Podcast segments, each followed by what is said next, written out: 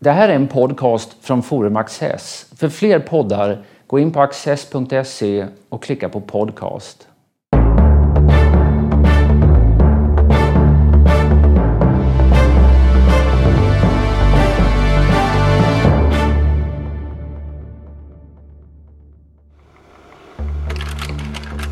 Herbert Tingsten, 1896 till 1973, skrev en lång rad statsvetenskapliga studier.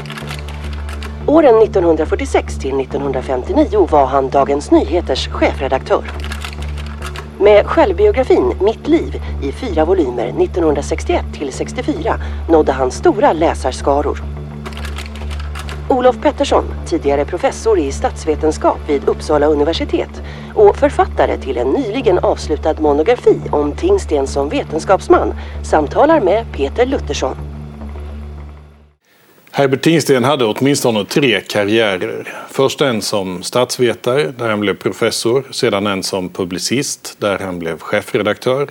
Och sedan slutligen en som livsbetraktare, där han skrev en självbiografi i fyra band och också en del smärre böcker. Vilken gärning sätter du högst?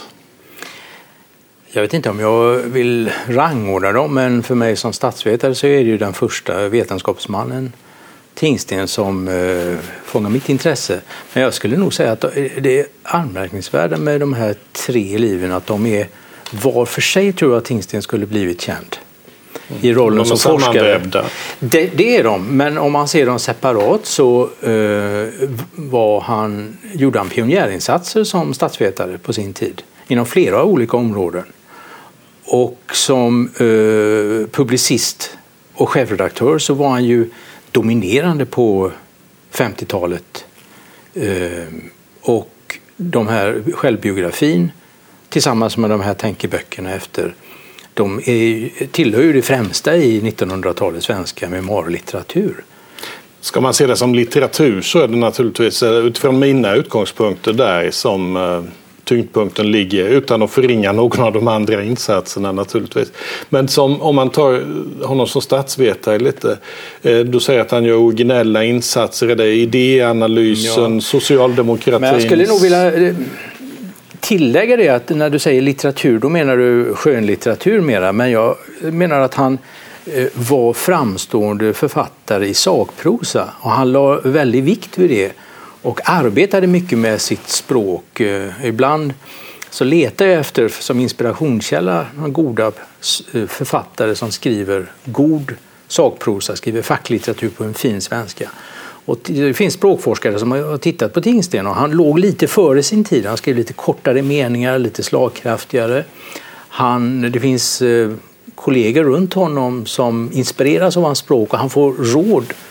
Eh, han ger råd till, eh, till andra om hur man skriver. Och han har ju en formuleringsskicklighet som är skarpa karaktäristiker av personer, händelser, förlopp men det är inte bara det, utan han har en effektiv flödande prosa och så plötsligt glimmar det till av en skarp formulering mm. som sammanfattar ett skeende. Jag håller helt med om att den där stilkonsten, och den är ju själva en förutsättning för hans framgång på alla områden. Eh, han hade ju inte blivit en betydande publicist om han inte hade haft stilkonsten. Nej. Och uh, hans statsvetenskapliga verk, uh, eller åtminstone en del av dem, uh, skrivs ju för en bredare publik än den snävt akademiska. Ja, och när det gäller hans författarskap Eh, som statsvetare så allt är inte originellt utan hans, en av hans stora insatser var att han hade ju en fenomenal förmåga att sammanfatta ett stort material. Han läste mycket, eh, han pratade med människor, han reste och intervjuade, samlade ihop sina intryck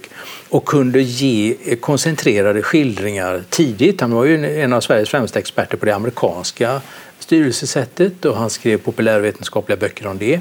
Hans kanske mäktigaste verk var Demokratins seger och kris 1933 om hur demokratin hade segrat, det fanns en optimism efter första världskriget och hur totalitära regimer, fascismens Italien, nazismens Tyskland, så föll demokratin i land efter land. Och den kommer ut 1933, precis samma år som Hitler då definitivt har makten.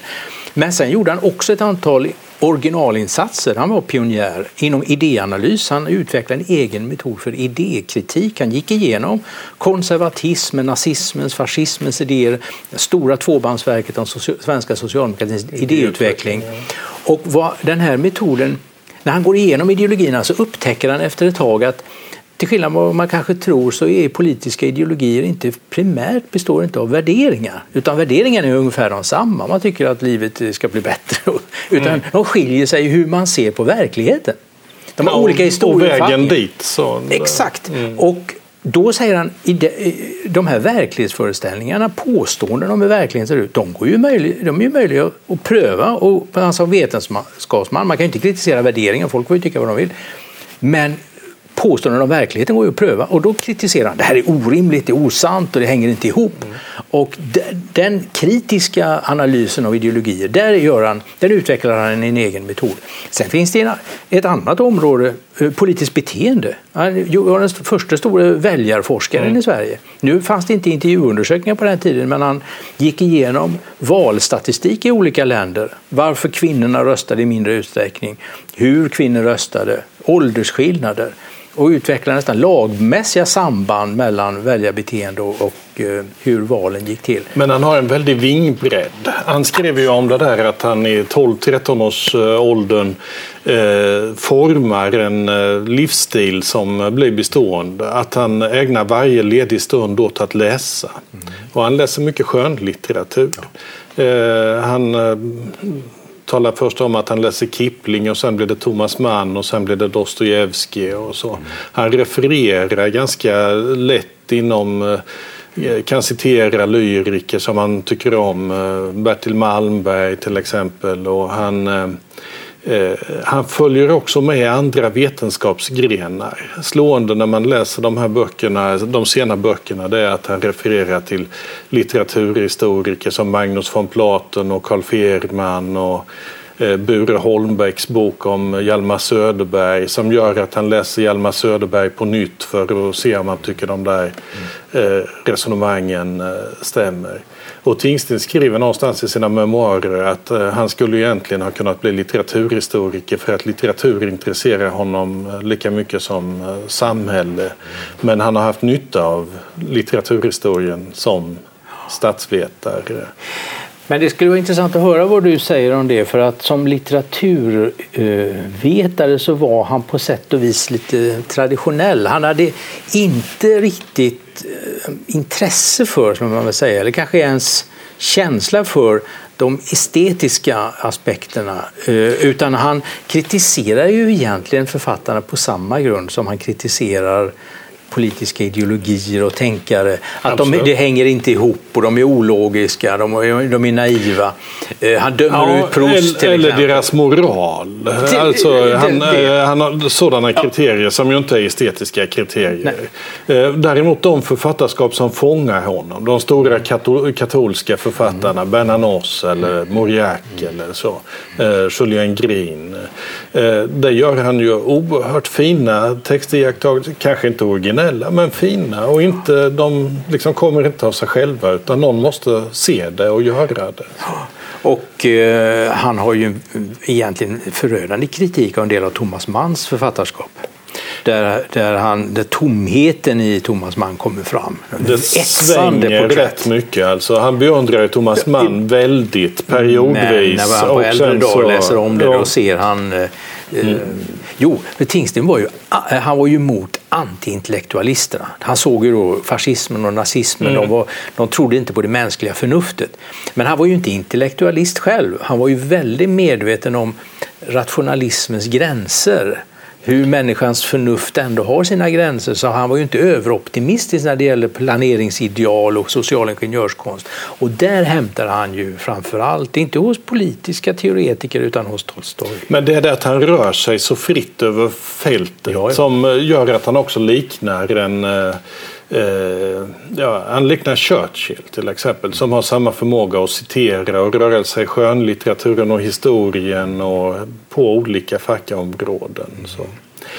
Eh, men han vetenskapssamhället är ju det han går in i först. När han sen ska beskriva i memoarerna vad han har uträttat så säger han inte så mycket om vad han gjorde. Han säger inte de här sakerna som du nyss sa till exempel. Däremot karaktäriserar han ju personer och han har synpunkter på miljön. Han eh, tycker att det i vetenskapssamhället finns en Eh, Eh, en hållningslöshet, ofta en eh, beställsamhet eh, som är honom främmande. Han skriver att han är rädd för att hela vetenskapen kommer att utvecklas till en byråkrati där ämbetsverk producerar forskning. Hur kommenterar du sådana bilder av vetenskapssamhället? Uh, han var en kritisk deltagare i vetenskapssamhället men han var ju också den första innehavaren av uh, statskunskapsprofessuren Lars Hjärtas professur vid Stockholms högskola, då, som, Stockholms universitet. Så han var ju också, han byggde upp en institution tog upp en del traditionella, på den tiden var ju mycket grundlagar, en slags juridisk inslag i statskunskapen, men bidrog själv också dels med den politiska idéanalysen, men en betoning på samtiden. Vi skulle, statsvetare kunde visserligen använda historien, men det skulle inte vara historia, för det gjorde historikerna, utan man måste förstå och också berätta om samtidens politiska händelser. Det var statskunskapens uppgift. Och jag, jag tror att han i memoarerna får man ju en väldigt obalanserad bild för han uppehåller sig vid sina möten med personer, lite konflikter med det akademiska. Men om innehållet i den vetenskapliga mm. produktionen får man veta förvånansvärt lite.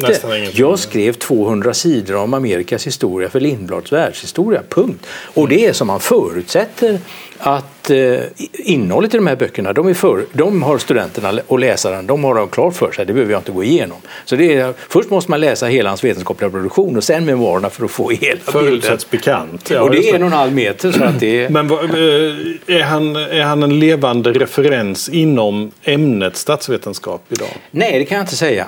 Mm. Ämnet har ju tagit sig lite annan utveckling och också själva stilen. Han skriver då inom vida fält. Nu ska man specialisera sig. Man kan, man kan inte med gott samvete ge rådet till en ung student i statskunskap och vara som Herbert Tingsten för då, då har man ingen framtid. Man måste specialisera sig. Han skrev på svenska för en bred publik oftast. Man måste skriva i helst amerikanska facktidskrifter på engelska. Han skrev själv, det var bara något uppslagsverk som han skrev ihop med en sociolog, annars var han ensam. Nu ska man arbeta i projekt. Han sökte nästan aldrig tillstånd eller pengar. Det var någon, någon gång han hade något projektanslag. Men han bara reste och forskade och finansierade sig på annat sätt. Men är det inte just denna utveckling han var rädd för? När han, när han eh, beskriver vad han fruktar med forskarsamhällets förändring. Att det, att det förändras till en eh, meriteringsbyråkrati som eh, ja. producerar meriteringsmakulatur. Och det är ju inget fel, om jag själv får en uppfattning, att, att när vetenskapen expanderar att det sker en arbetsdelning och specialisering som inom andra områden och att det finns experter inom delområden. Men det finns en obalans, så jag är inte emot den nuvarande mm. utvecklingen. Det behövs också generalister. Mm. som kan se lite sammanhanget och de stora perspektiven och vad de vita fläckarna är. Det kan ju hända att en del detaljer är väl utforskade men andra stora problem ligger i skuggan. När Tingsten blev chefredaktör på Dagens Nyheter. Då säger han att eh, han eh, redan som ung hade velat ha en tidskrift. Ett organ för min rationalism, min irritation över vad jag såg som dumheter och fördomar. Mitt behov av att sjunga ut. Och vad han fann var alltså Sveriges största dagstidning. Mm. Även där eh, kan man ju spåra förändringar i samhället sedan Tingstens dagar. Eh, en professor i statsvetenskap av hans typ skulle knappast bli chefredaktör på en stor tidning idag. Nej, inte med, med så pass makt som han hade över eh, tidningen. In, också inflytande på kultursidan. Han fortsatte ju att medverka med stora och tidningsledningen tycker att Tingsten är bra. Han har ju höjt DN och central i debatten. Men de här tre artiklarna om Toynby, de borde väl hellre varit i statsvetenskaplig tidskrift, skriver tidningsägaren i ett, ett brev mm. internt. Så att eh, han tog plats. Och det var ju just ett sån, sån plattform, sån forum som han hade letat efter. Men det var inte självklart. Han hade ju planer på att fortsätta sin akademiska karriär, bli professor i Uppsala, efterträda sin lärare Brusevit. Men eh, han behövde inte fundera mycket. att Det här var ju en, en chans som inte skulle återkomma och han tog den ju över en natt egentligen. Mm. Men blev en skrivande chefredaktör framför allt. Visst, han skrev ju otroligt mycket ledare, också kulturartiklar. Och min, han gjorde ju resor. Och det där är lite svårt att då. Var det publicist? Var det en slags statsvetenskaplig upptäcktsresande och delvis som forskare? Så han besökte ju Tyskland, Västtyskland omedelbart efter kriget för att se hur återuppbyggnaden gick. Han reste till Latinamerika, Japan, så småningom till Nya Zeeland. Eh, ett antal olika länder och gjorde reportageserier i tidningen och gav ut dem i bokform. Och han, han, han bemöter anklagelsen att ja, vad du skriver det bygger ju på sådana som andra skriver, kan du inte skriva det hemma? Men han säger att man måste kombinera in, en inläsning med att vara på plats. Och inte som turism, han säger sitta på golvet och äta pinnar och se på gamla palats och sånt där, det var inte för honom. Men det var att tala med människor. Han, till exempel, vad shintoismen i Japan hade jag aldrig förstått om inte två präster hade diskuterat i sinsemellan. Och eh, han, så han kombinerar sina intryck han reser i Sydafrika. Den översätts ju till engelska början på 50-talet. Han är ju en av de viktigaste opinionsbildarna i Sverige och i Europa mot apartheidsystemet. Mm etsande fina reportage, väldigt skarpa. Och där reser han omkring. Han skildrar en, en, eh, en demonstration som eh, visar sig, det är en av Nelson Mandelas tidigare insatser som motståndsledare. Han upptäcker en, en ung författarinna. Första boken anmäler han, det är Neiden Gordimer som får eh, Nobelpriset så, så småningom. Mm. Så han har en otrolig näsa. Han har en radar som går, fångar upp. Han tar in väldigt mycket, ja. Det måste man ju säga. Om, om man tittar i övrigt eh, på hans relation till socialdemokratin till exempel. Han röstade socialdemokratin mellan 1924 och 44. Mm.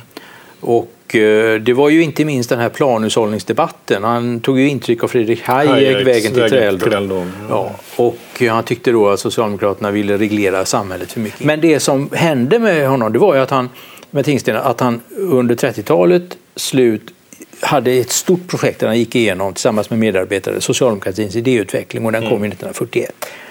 Där pekade han ju på den här konflikten mellan det stora marxistiska perspektivet och det lilla praktiska reformperspektivet och hur eh, de ursprungliga särdragen i socialdemokratins idéer höll på att vattnas ur. Det blir ju sen en allmän tes om ideologiernas försvagning, ideologiernas död.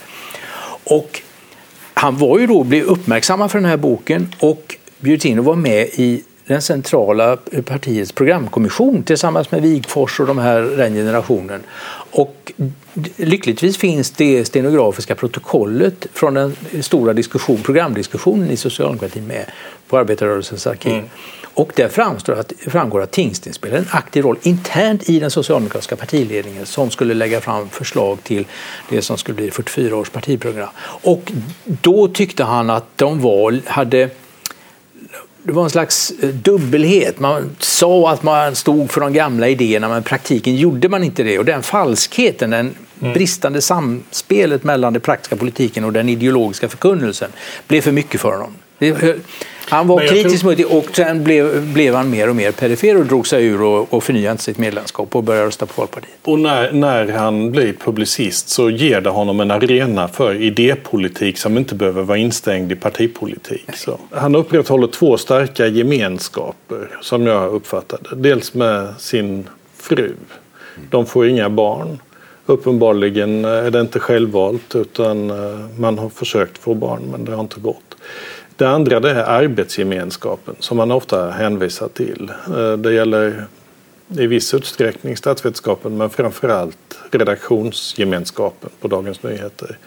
Vilket också gör att han går ut ganska snabbt eller omgående i en betydande ensamhet efter att han lämnar Dagens Nyheter. Och han skriver någonstans att de enda som han Eh, har kontakt med är ett par unga liberaler, eh, Hans Hedeberg och Per Ahlmark och Kai Henmark.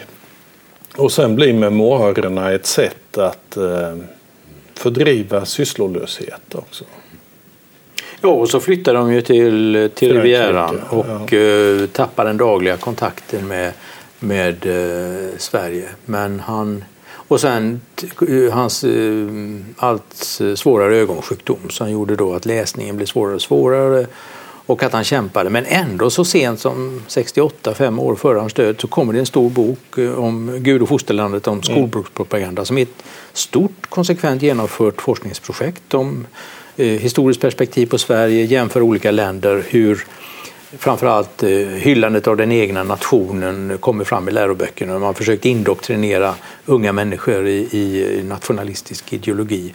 Och hur eh, länder som har växlat, Tyskland var ju ett intressant exempel, då man hade nazisttiden, man hade eh, sen Västtyskland och man hade Östtyskland och hur eh, skolböckerna plötsligt ändrade karaktär. Så de speglar då regimens mm. doktrin. Den är också, bygger ju delvis på annan forskning men framförallt på primärforskningens egna resultat. Det är en väldigt fin studie och den kommer så sent. Så han eh, har sina gemenskaper men det är ju att han ändå klarar det att han ju har sin gemenskap med, med litteraturen, läsningen mm. och skrivandet.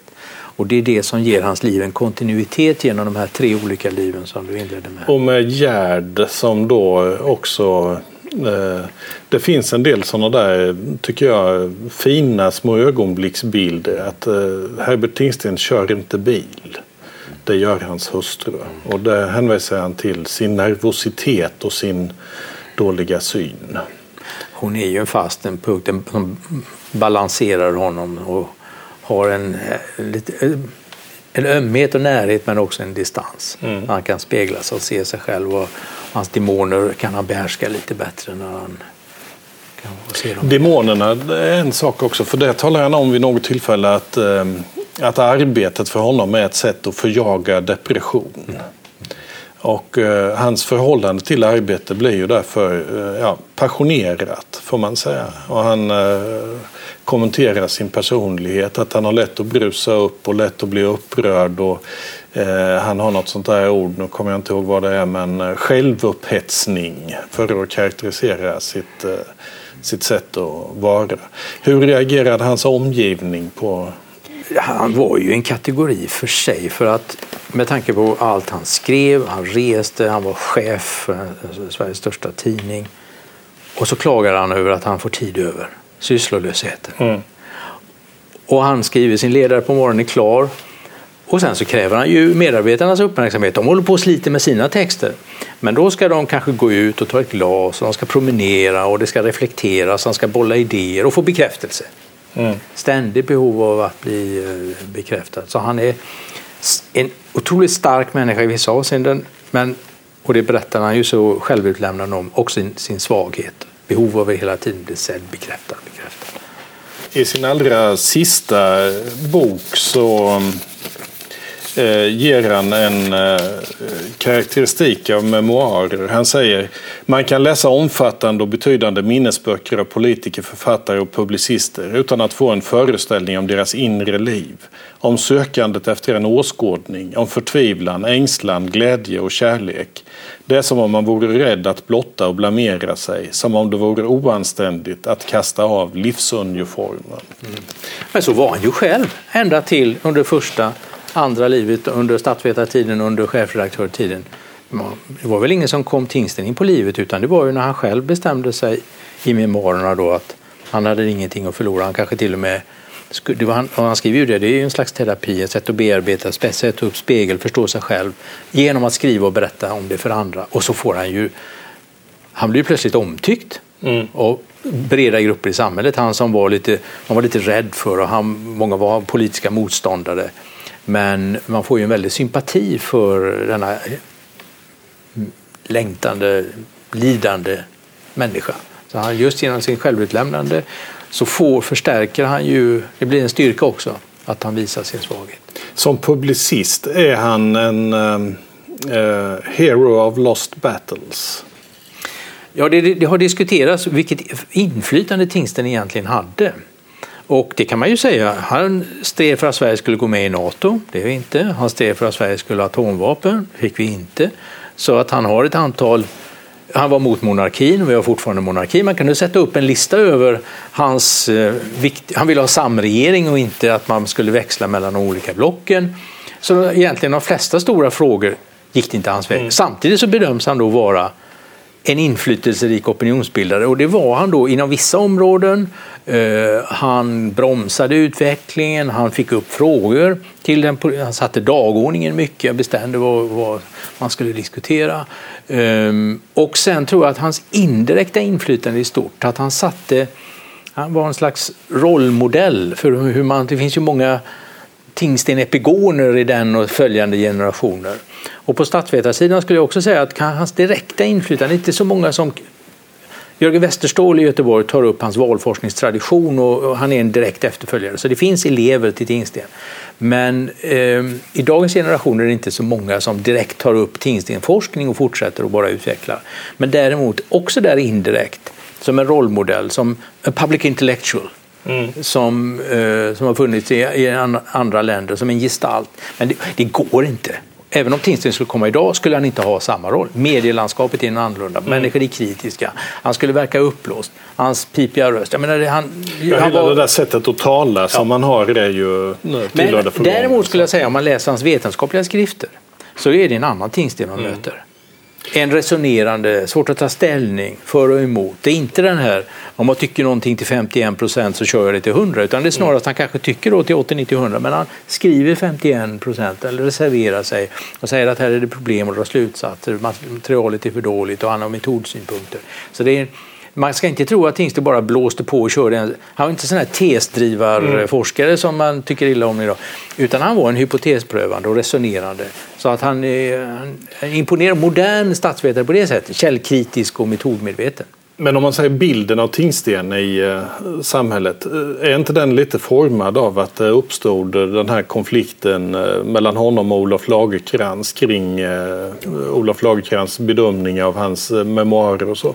Och så har man sett Lagerkrans som ja, radikal, alltså måste Tingsten varit reaktionär. Så Som en enkel kalla krigare och så. Ja, just det, väldigt att han, han var liksom någon slags Amerikavän och en svensk McCarthyist. Att han skulle stå för en primitiv antikommunism. Men också det här ser man på ting. Han inbjöds ju av en amerikansk stiftelse att skriva en kritisk studie av politisk extremism i Amerika som just var en kritik mm. av McCarthyismen. Och han var på, McCarthy vågade inte möta Tingsten. Han var ju över där och var på McCarthys kontor i senaten och kände igen sig i, faktiskt i nationalsocialismens Tyskland. Det var samma ensidig mm. slags propagandainriktning. Så han hade, han var kanske den mest kritiska mot, mot de som kritiserar kommunismen allt för enkelt. Mm. Utan han, han, ville ha en nyanserad, rationell kritik av den totalitära regimen. Men det var väl eh, Carl Wennberg mycket som eh, anklagade honom för att vara McCarthyist. Och han anklagade ju Eivind Jonssons vårtal för att vara en spark med en SS Han var ju inte nådig mot de här tredje ståndpunkterna som liksom vägrade ta ställning mellan väst och öst. Utan för Tingsten fanns ju då eh, eh, nationalsocialismen och fascismen och kommunismen som hot mot demokratin. Andra världskriget innebar att nazism och fascister förlorade och då var kommunisterna den stora faran. Så det är klart att han var antikommunism och, eh, för han tyckte då att här var en strid mellan öst och väst, demokrati och diktatur. Och visst var det en svartvit bild, men världen kanske var svart. Det var ju kalla men det kriget. Finns sannings, nästan det finns sanningsfrågor. Så. Eh, och det finns frågor där moralen ger ganska tydliga utslag. Och detta var ju en sån. Han vågade säga att tredje ståndpunkten har fel. Ja. Men sen fanns det ju an, ta hans engagemang för Israel. Mm. Han ger ut en bok 57 om Israel. Och den läggs upp ungefär på samma sätt som de andra reseböckerna. Men den, det är ingen opartisk han, han är ju väldigt han tar, eh, entusiastisk. Han, eh, genom att läsa Jean Weissmans memoarer så blir han eh, Israel-förespråkare. Mm. Och den har nästan, det är, den är partisk på det sättet att den nästan inte tar upp eh, Palestina eller palestinier eller arabsy. De dyker upp någon i förbigående. Eh, så den är en partsinlaga. Och det var medan, hans full, det var ju en opinionsbildare. senare också lyfter fram det som en förtjänst hos Israel att, eh, att den får en arabisk befolkningsdel som kommer i åtnjutande av demokrati. Och så. Ja. Ja. så att, uh, han... Men det, jag har också talat med Mellanöstern-experter och de säger att det är inget tvivel om att det där är ingen vetenskaplig balanserad framställning mm. av konflikten utan det är en partsinlaga och ett glänsande, briljant, eh, fint på många sätt. Men man ska inte tro att det tillhör den, den vetenskapliga publiken. Men det är det passionerade som gör honom till en framstående stilist delvis, tror jag. Ja, det är det. Tack. Tack Peter.